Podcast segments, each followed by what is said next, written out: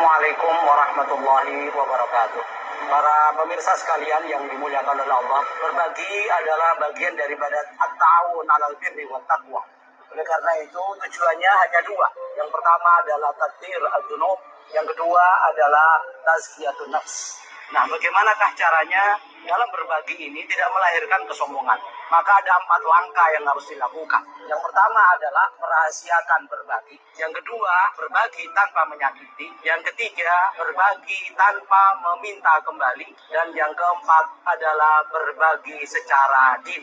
Oleh karena itu, empat langkah inilah yang akan melahirkan ketawaduan dan menghilangkan kesombongan di dalam berbagi kepada siapa pun. Oleh karena itu, marilah kita berbagi secara ikhlas. Assalamualaikum warahmatullahi wabarakatuh.